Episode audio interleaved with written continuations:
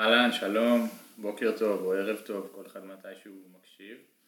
אה, פרק חדש שאני מקליט היום. אה, הפעם בפרק בחרתי לי שלושה נושאים שאני רוצה לדבר עליהם טיפה. אז קודם כל אני אדבר על עיקרון הספציפיות אה, ואיך לדעתי זה לא בדיוק שחור ולבן כמו שזה נשמע. אחרי זה על תכנון פסיכולוגי למתאמנים, זאת אומרת איזשהו מושג שאני נתתי לו שם, אבל זה בגדול למה אני חושב שלפסיכולוגיה יש, יש המון המון משקל באם המתאמן יתקדם בתוכנית אימון או לא. והדבר השלישי זה אם יש תוכנית אימון שהיא מושלמת, אז זה, זה הנושאים להיום. קודם כל אני רוצה להגיד תודה למי שמקשיב וחוזר, כי אני רואה שיש האזנות וזה אחלה וזה נותן לי גם את הדרייב להמשיך להקליט. תודה. וזהו, נתחיל. אז הדבר הראשון שאני רציתי לדבר עליו זה על עיקרון הספציפיות. עיקרון הספציפיות זה עיקרון מוכר ב- ב- ב- בעולם של הכושר גופני ושל האימונים. בעצם העיקרון אומר שככל שנרצה להשתפר במשהו, נרצה לעשות אותו יותר. אם אני רוצה להיות כדורגלן יותר טוב, אז הכי הגיוני שאני, האימונים שלי יתרכזו בלשחק כדורגל. אם אני רוצה להיות אה, שחקן, אה, לא יודע מה, רץ מרתון יותר טוב, רצוי שהריצות שלי יהיו ב... יותר מבוססות על ריצות ארוכות ופחות על ספרינטים. כמה שאני אעבוד יותר ספציפי, זה, זה אמור לתת לי יותר שיפור. אז גם באימוני כוח וב powerlifting, העיקרון של הספציפיות הוא מאוד אה, חזק, ו- ו- ויש תקופות שאפשר לראות ש... כולם מאוד מאוד ספציפיים בתקופות שנים, שנים, ש, ש, שנים שרוב התוכניות אימונים שהיה אפשר לראות הם היו ספציפיות, סופר ספציפיות ואחרי כמה זמנים, כמה זמן המטוטלת זזה והולכים יותר לכיוון הפחות ספציפי. זה, זה משהו שמשתנה כזה כל, כל כמה שנים וזה סוג של כמו טרנדים שבהם הם הולכים. אבל מה שאני לפחות מאמין זה שעקרון הספציפיות הוא לא, הוא לא ליניארי, זאת אומרת זה לא שכמה שנהיה יותר ספציפיים אנחנו נתקדם יותר או נהיה יותר טובים במה שאנחנו עושים. כמובן שבתור התחלה צריך להיות סוג מסוים של ספציפיות, כמות מסוימת של ספציפיות, אבל אני לא ארצה כל הזמן לעלות ולהעלות את הספציפיות גם כשאני לפני תחרות. ו- ואני אסביר. ספציפי ב powerlifting או אימוני כוח זה בעצם הדבר הכי ספציפי ש- שמישהו יכול לעשות זה לקחת את הרמה התחרותית שלו ולעשות אותה ל-RM1 כמו שהוא עושה בתחרות. זה בעצם הדבר הכי ספציפי שאנחנו, שאנחנו יכולים לעשות, כאילו אם נעשה את זה שלוש פעמים בשבוע, נתאמן הכי ספציפי שאפשר.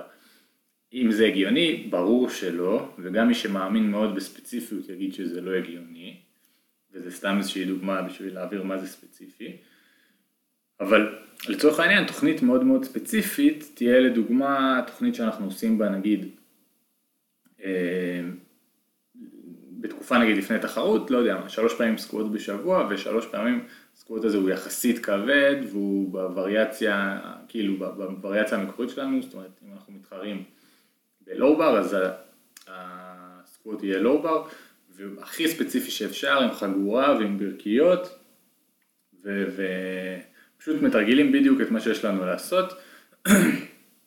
אחרי זה כנראה שגם יהיה לנו בנץ' פרס, אחרי זה גם יהיה לנו דדליפט, זאת אומרת משהו מאוד מאוד ספציפי. אה, יש תוכניות כאלה ואני רואה חבר'ה שעובדים ככה. אה, הגישה שלי אומרת ש... לאו דווקא עוד ספציפיות יוביל לעוד התקדמות. זאת אומרת, הרבה פעמים אנחנו נרצה דווקא לעשות דברים קצת פחות ספציפיים, כדי לנסות לגעת בעוד דברים, ויכול להיות שהם ייתנו לנו יותר, אה, יותר משקל על המוט בסוף. זאת אומרת, אני אתן דוגמה. יכול להיות שכל פעם, ש, שאני שם לב שמתאמן ספציפי, שיש לו איזושהי בעיה טכנית, נאמר בבנץ' פרס, קשה לו לשלוט על המסלול של המוט, אם פעם בשבוע אני מכניס לו טמפו בנץ' נגיד, 2 או 3 שניות הורדה, עצירה רגילה על החזה ואז עלייה אה, רגילה, אז, אז הבנץ' שלו משתפר, זאת אומרת גם היום הכבד שאנחנו עושים, וריאט, שעושים בנץ' רגיל, אה, הוא משתפר בגלל שה, שהיום הזה עם הווריאציה מאפשר לו לחדד יותר את הטכניקה ולהתרגל. אז מצד אחד הלכנו אחורה בספציפיות, כי לקחנו וריאציה שהיא לא וריאציה תחרותית, אני לא אעשה טמפו בנץ' בתחרות, אה, וירדתי בעצם ברף של הספציפיות, אבל כן הצלחתי להתחזק, להרים יותר משקל בבנץ' פרס, כי שיפרנו משהו. אז שוב, זה איזושהי דוגמה, אפשר לקחת את זה לכל הרמה, אפשר לקחת את זה, ולתת איזושהי דוגמה כזאת, אני בטוח שגם מי ששומע יש לו דוגמאות כאלה מהחיים, מהאימונים שלו. אבל להבין את העיקרון שלא תמיד יותר ספציפי יהיה יותר טוב. ויותר מזה, לכל מתאמן יהיו דברים ספציפיים יותר ויהיו דברים ספציפיים פחות, יהיו, יהיו מתאמנים שבאמת העבודה הזאת, הטמפו, העבודה הטכנית יעזור להם מאוד. מצד שני, יהיו כאלה שדווקא חזרות יותר גבוהות, לא יודע, חמישיות, שישיות, שביעיות, ייתנו להם תוצאות טובות. וזה יהיה בסדר גם לפני תחרות, לנסות להשתמש בדברים האלה שנתנו לנו תוצאות טובות גם כשהיינו רחוקים מתחרות. זאת אומרת, סביר להניח שאם אני לפני תחרות, יום אחד בשבוע לפחות יהיה מוקדש לעבודה כבדה וספציפית, סינגלים כבדים או, או משהו כזה, חזרות נמוכות, כבדות, עם פקודות והכל. אבל לא, אני לא בטוח שכל השבוע יהיה כזה, זאת אומרת, יהיו לי עוד אימונים, שאני מבין שאני יכול לשים שם עוד משהו, שהמתאמן בדרך כלל משיג ממנו תוצאות טובות, ואני אשתמש בזה גם אם זה לא ספציפי לגמרי לתחרות. זה משהו ש, שחשוב לי להבין, ועוד דוגמה, לפעמים, כאילו, לפעמים גם מה שיהיה, אולי משהו יהיה מאוד ספציפי, ואפילו ייתן לי תוצאות טובות, אבל לא תמיד זה יהיה משהו שאני יכול להחזיק לאורך זמן. זאת אומרת, יש לי כמה מתאמנים שכל פעם שאנחנו מנסים אה, שלוש פעמים סקוואט בשבוע, וזה לא חייב להיות הסקוואט הראשי שלהם, זה יכול להיות וריאציות ודברים כאלה, מתחילים איזשהם כאבים או איזושהי עייפות כזאת ברגליים וזה.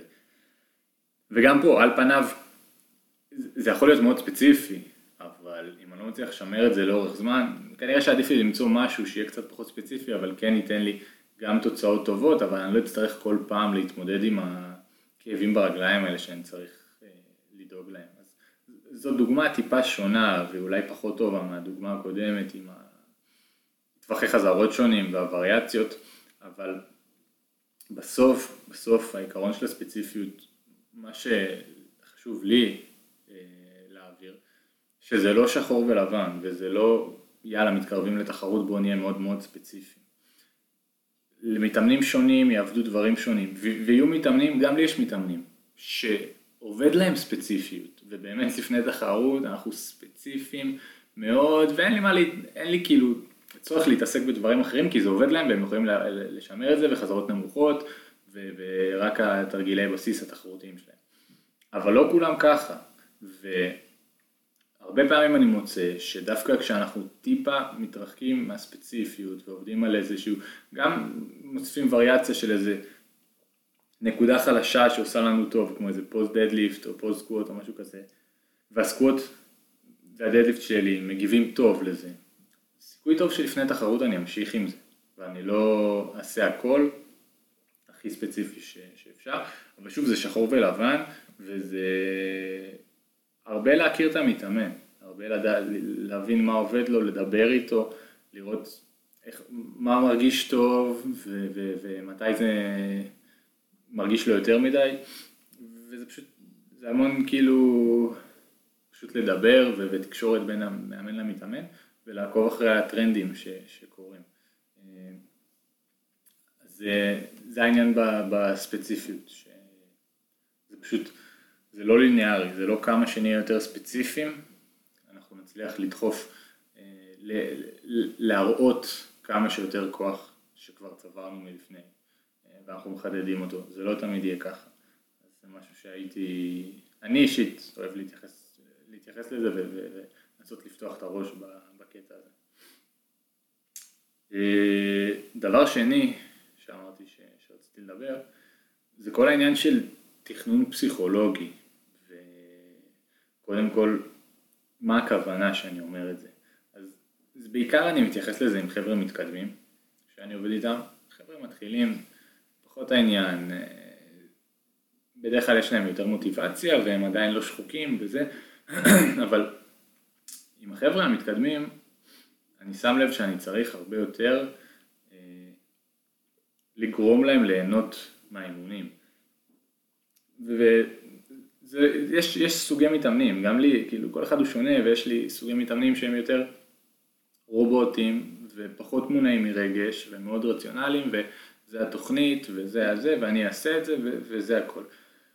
ויש לי חבר'ה שהם מאוד מונעים מרגש והם מאוד צריכים את הריגוש הזה ואת ההנאה ואת הקצת פרפרים בבטן לפני אימון ושיהיה להם נחמד ו- ו- ואולי זה משהו שהם עדיין, שהם לא עשו הרבה זמן וזה ייתן להם יותר מוטיבציה לדחוף, זאת אומרת תרגילים חדשים או וריאציות חדשות. וכשאני עובד עם חבר'ה כאלה, אני נותן לזה המון המון חשיבות. זאת אומרת, איך אני גורם לבלוק אימונים להיות מהנה ולהיות מרגש, פשוט ככה, במילים האלה. ואני מודע לזה שלא הכל יהיה מהנה, ולא הכל יהיה מרגש, אבל אני כן צריך לעשות טיפה את, ה, את ה trade off בין מה שהמתאמן רוצה לעשות לבין מה שאני חושב שהוא צריך, והרבה פעמים אני הולך הרבה מאוד גם לכיוון שלו. כי בסוף חבר'ה מתקדמים, הם יודעים מה צריך לעשות, והם לא עכשיו מבקשים ממני דברים הזיה. אבל אם יש לי מתאמן ש... אני יודע שהוא, שהוא נהנה לעבוד כבד, ולא יודע מה, לעשות חזרות אה, נמוכות נגיד ל-RPE די גבוה, נגיד סינגלים או דאבלים או, או שלשות, ל-RP גבוה של 8-9. אז גם אם אני לא חושב שזה בדיוק הזמן ואנחנו צריכים את זה כרגע, סיכוי טוב שאני אשים את זה רק כדי שהוא ייהנה מהאימון ורק כדי שזה יגרום לו מוטיבציה. כדי שהוא ישמח לבוא ולראות שיש לו את זה בתוכנית ויש לו למה כאילו, למה להתערף היום ולמה עכשיו לבוא מוכן ולבוא בהתרגשות ולתת אימון טוב. אם, אם האימון יהיה משעמם ואני אתן לו, לא יודע מה, רביעיות ב-RP 6, 7, רביעייה בטופסט של RP 6, 7 והוא, והוא יבוא ויהיה לו משעמם והוא בקושי כאילו אה, אה, ייתן מעצמו באימון, אז כן הוא יעשה את האימון כי הוא רציני והוא, והוא מבין ש, שאין מה, שזה מה שעושים. אבל אני כן רוצה שיהיה לו את הדרייב הזה לאימון. גם אם אני חושב שוואלה, יכול להיות שלא הייתי מתכנן את זה באותו, באותו מצב, באותה סיטואציה, אם לא הייתי חושב שהוא, שהוא צריך אה, את זה מבחינה מנטלית, נגיד פסיכולוגית. והרבה פעמים זה גם עם, עם סוגי תרגילים, יש חבר'ה שיותר אוהבים, לא יודע, תרגילים מבודדים, ויש חבר'ה שיותר אוהבים, תן לי את ה basic ואל תסבך לי את העניינים. ואני חייב להתייחס לזה. בייחוד, בייחוד שאני רוצה לשמור מתאמן מתקדם עם מוטיבציה. כי אני חושב שכשהגענו לשלב הזה, ש... ש... שכבר כמה שנים אנחנו עושים את זה, וזה די חלק מהחיים שלנו, ואין מה לעשות, נבוא להתאמן, ומה שלא משנה מה, נבוא להתאמן. אני חושב שאם אני מצליח להביא את המתאמן לאימון בהתרגשות מסוימת ובציפייה וב, וברצון לדחוף, ברצון שיש לי אימון מעניין היום ובא לי לדחוף ובא לי לראות מה אני יכול לעשות, ההתקדמות שלנו לאורך זמן היא פשוט תהיה בכמה אחוזים יותר מאשר וואלה יש לי אימון ויום משעמם ואין לי כוח רק לבוא לעשות אותו. שזה קורה מדי פעם, לא משנה איזה תכנון משונה אני אעשה. אבל אני באמת מנסה מדבר עם המתאמן על זה ואנחנו מנסים להתאים את זה ביחד אליו ואני ממש ממש רוצה שכשהוא בא לעשות את האימונים, בא לו לעשות אותם ובא לו אה, לדחוף ובא לו לעבוד כבד כי הוא מרגיש ש... לא, הוא מרגיש טוב עם זה, הוא מרגיש טוב עם האימון והוא, והוא נהנה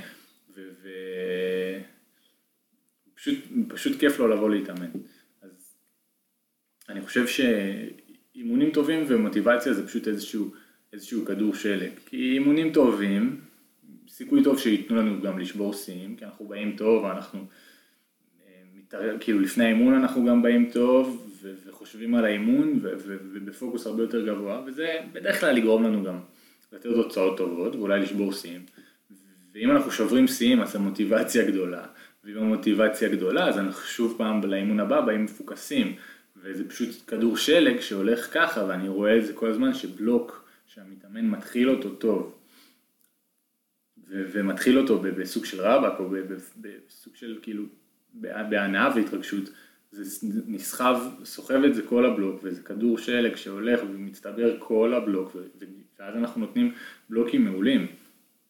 ואני חושב שאם אני יכול לגרום למתאמן כזה להעלות את המוטיבציה, לא משנה כמה התכנון הוא יראה אולי שונה ממשהו אחר שהייתי עושה במצב אחר, אבל התוצאות בדרך כלל מדברות בעד עצמם, והעניין הזה של תכנון פסיכולוגי, אני נותן לו המון חשיבות כשאני מתכנן לחבר'ה המתקדמים שלי, ש, ש, שבאמת כבר עברו הרבה ו, ו, וקשה לרגש אותם, בוא נגיד ככה. זה בנוגע לזה, לכל העניין של התכנון. והדבר האחרון, המיני נושא האחרון שרציתי לדבר עליו, זה נושא שהרבה שואלים אותי, העניין הזה של אם אני חושב שיש כזה דבר, תוכנית מושלמת. אז קודם כל, לא, אין דבר כזה תוכנית מושלמת. אני לא חושב שאני יכול, שלא משנה איזה תוכנית, אני אראה מול העיניים איזשהו דף עם מספרים וסטים ו-RP ואני אגיד, וואו, איזה מטורף זה, זה, זה כאילו, אין דבר כזה, אין, אין, אין. התוכניות, גם שאני כותב, הן זזות כאילו, הן יכולות להיות שונות לגמרי ממתאמן למתאמן, ו, ו, ואין דבר כזה תוכנית מושלמת, וגם כשאני כותב תוכנית, אני הרבה דברים מהמר עליהם לפעמים, ואומר בוא ננסה משהו ודברים כאלה, ופשוט, אני לא יכול לדמיין סיטואציה של תוכנית מושלמת. מה אני כן רואה בדרך כלל? רוב התוכניות הטובות הן עובדות על אותן עקרונות בסיסיים, כאילו אנחנו רוצים לשים על המתאמן אה, מספיק סטרס, שהוא יוכל להתאושש ממנו ויוכל לאט לאט להתחזק ממנו. אה, אנחנו רוצים לבחור תרגילים ש, שאנחנו מקבלים מהם בדרך כלל תוצאות יותר טובות. אה, לפי התקופה בשנה, אם אנחנו יותר קרובים לאיזושהי תחרות, יכול להיות שבאמת נעבוד קצת יותר כבד. אה, אם זה מתאמן שאני חושב שצריך לעלות עליו מסת שריר, אז אולי אני אשים אה, יותר דגש על אה, תרגילים מבודדים גם, ביחד עם הכוח או משהו כזה. אבל, אבל אין משהו שאני יכול להגיד, וואו, זו תוכנית מושלמת. בסוף הכל עובד על אותם עקרונות, ו- וזה... אני לא מחפש את המושלם, אני מחפש לצבור עוד ועוד בלוקים שהם טובים, עם קצת שיפור, ואז לאורך זמן אנחנו רואים שיפור רציני, אבל לחפש משהו מושלם זה, זה די בלתי אפשרי. ומעבר לזה שאני לא חושב שאפשר למצוא איזה משהו שהוא מושלם, אני חושב שהדברים הקריטיים שאני מתכנן תוכנית, זה, היא צריכה להתאים למתאמן לחיים, קודם כל, ולא להיות עליו כבדה מדי מבחינה לוגיסטית, מבחינת זמנים ומבחינת אנרגיות, זה דבר ראשון. דבר שני, מה שדיברתי קודם, אני רוצה שהוא ייהנה ממנה, אז קודם כל קודם כל ניגש לשם, אחרי זה אנחנו באמת הולכים טיפה יותר לחלק המקצועי של, של נפח ועצימות ודברים כאלה, אבל אין משהו ספציפי שיעבוד הכי הכי טוב למתאמן מסוים. זה כנראה איזשהו טווח לא קטן של, של דברים שיעבדו, ואנחנו פשוט צריכים להיות איפשהו בתוך הטווח הזה, ולפעמים משהו אחד יעבוד ממש ממש טוב, ומשהו שפעם עבד טוב, עכשיו לא יעבוד. ולהפך, דברים ש- שאולי פעם לא עבדו כל כך טוב. עכשיו פתאום יעבדו, ויכול להיות שיהיו לזה סיבות שאנחנו יכולים לראות לה בעין, יכול להיות גם שלא יהיו להכל סיבות, ופשוט צריך לקחת את הנתונים האלה ולנסות לראות ולנסות עוד דברים, ו- ו- ו- ולנסות כן להבין מה, מה עובד יותר ומה לא, אבל אני לא חושב ש- ש- שיש דבר כזה, ש- שאני אי פעם מסתכל על תוכנית של, של מישהו, לא משנה מי זה, גם אם זה המאמן הכי גדול שאני חושב שיש אה, בעולם, ואני אגיד, וואו, איזה תוכנית מטורפת. כאילו, לא משנה גם כמה מספרים שיהיו בה, זה לא, זה לא עושה שום תוכנית אחוזים וכאלה, ו, וירידה לפרטים הכי קטנים, זה גם לא עושה תוכנית טובה לתוכנית מושלמת. ואני חושב שמעבר ללבנות, זאת אומרת, בסוף אני, אני מאמן ואני עובד עם לא מעט אה, חבר'ה, חלק מתאמני כוח אה, שעושים את זה לכיף, וחלק עושים את זה גם בקטע התחרותי, ששם אנחנו צריכים להיות, אה, באמת שם בדרך כלל תכנון טיפה צריך להיות יותר, יותר יצירתי נגיד, או לא יודע, טיפה יותר מסובך. ואני חושב שמעבר לתוכנית טובה, או מאמן טוב, אני לא נמדד על ה... הנה, קח, זה הבלוג שלך עכשיו, שישה, חמישה, שישה שבועות, זה התרגילים. אני, אני לא נמדד לפי זה, כי שוב, זה, זה כל כך, אין פה כלום, אין פה כלום. מאמן באמת נמדד לפי השינויים שהוא רואה בדרך, כי יש המון, לאורך הדרך יהיו הרבה תקלות, ויהיו הרבה, יהיו, יהיו בעיות, ובסוף אני רואה את זה בתור מישהו שצריך לפתור בעיות. המתאמן עשה, עשה את האימונים שלו ככה וככה, הגענו לאיזושהי בעיה, עכשיו אנחנו צריכים לפתור אותה לבד, בסוף אני צריך לפתור אותה ביחד עם איזשהו פידבק ממנו, וזה הרבה יותר קריטי בעיניי מאשר לתפור את התוכנית המושלמת. איך אנחנו עושים את השינויים האלה תוך כדי הדרך, אם, אם אנחנו מבינים שאנחנו טיפה מעל למה שהמתאמן יכול לספוג כרגע, אז אנחנו צריכים ללכת אחורה, או, או להפך. אה, אני לא יודע, יש לנו בעיה ככה בלוגיסטית בימים האלה, ו, זאת אומרת, כל הזמן נוצרות בעיות, כל הזמן בתכנון. גם לי, גם למתאמנים, למתאמנות, ואני חושב שבאמת הגדולה של לעבוד עם מאמן, ש, שיודע מה הוא עושה, זה לא איזה תוכנית הוא כותב, זה איך הוא פותר את הבעיות בדרך, ואיך הוא לוקח את המסקנות שהשגנו מתקופת אימונים מסוימת ומעביר ו, ומשתמש בהם לתקופה הבאה. כאילו, זה לדעתי אה, הרבה יותר טוב מ, מ, מ, מלמצוא תוכנית מושלמת, שפשוט אין מושג כזה. אז כל החבר'ה ששאלו אותי את זה גם בתגובות וגם בחדר כושר, שישמעו את זה ושיצליחו להבין את הדעה שלי על זה. אה, ואני חושב שזהו להיום, פרק יחסית קצר, אבל בסך הכל נגעתי בלא מעט נושאים שרציתי ונראה לי שהיה די מתומצת. אז תודה רבה לכולם, אם אני לא טועה זה הפרק השמיני כבר, שזה נחמד, כרגע אנחנו ממשיכים כל שבועיים פרק חדש, אם יש לכם רעיונות לפרקים, דברים שהייתם רוצים שנראה לכם יכול להיות מעניין לדבר עליו אה, חצי שעה, שעה, אז תשלחו לי בכיף, אני, דברים שבאמת אני אראה שהם, שהם מעניינים גם אותי וגם שיש לי מה לתרום עליהם, אז אני, אני אנסה לדבר עליהם. אה, ובכללי, יש את הבלוג שאני כותב שם, משתדל שכל שבוע יעלו שלושה פוסטים, ויש את האינסטגרם, סטרונגינף 405, והבלוג הזה מחשבות על אימוני כוח סטרונגינף, זה בפייסבוק. אה, זהו, אז מוזמנים גם לשם, לשלוח לי דברים, אה, לשלוח לי שאלות או דברים כאלה. חוץ מזה אני גם מאמן כוח ואני מאמן powerlifting ואני מכין הרבה מתחרים לתחרויות powerlifting וזה הדבר בערך שאני הכי אוהב לעשות בכל הכובע של האימונים שאני מעביר. אז אה, אם זה מעניין אתכם, גם אם זה סתם פשוט להתאמן ולשפר מסת שריר וכוח באופן נקרא לזה חובבני, וגם אם אתם עושים powerlifting ואתם רוצים לקחת את זה לשלב הבא, אז אפשר לשלוח לי הודעה גם לגבי זה, ונדבר ונכיר ונראה אם זה מתאים. וזהו, תודה רבה לכל מי שהיה, וניפגש עוד שבועיים.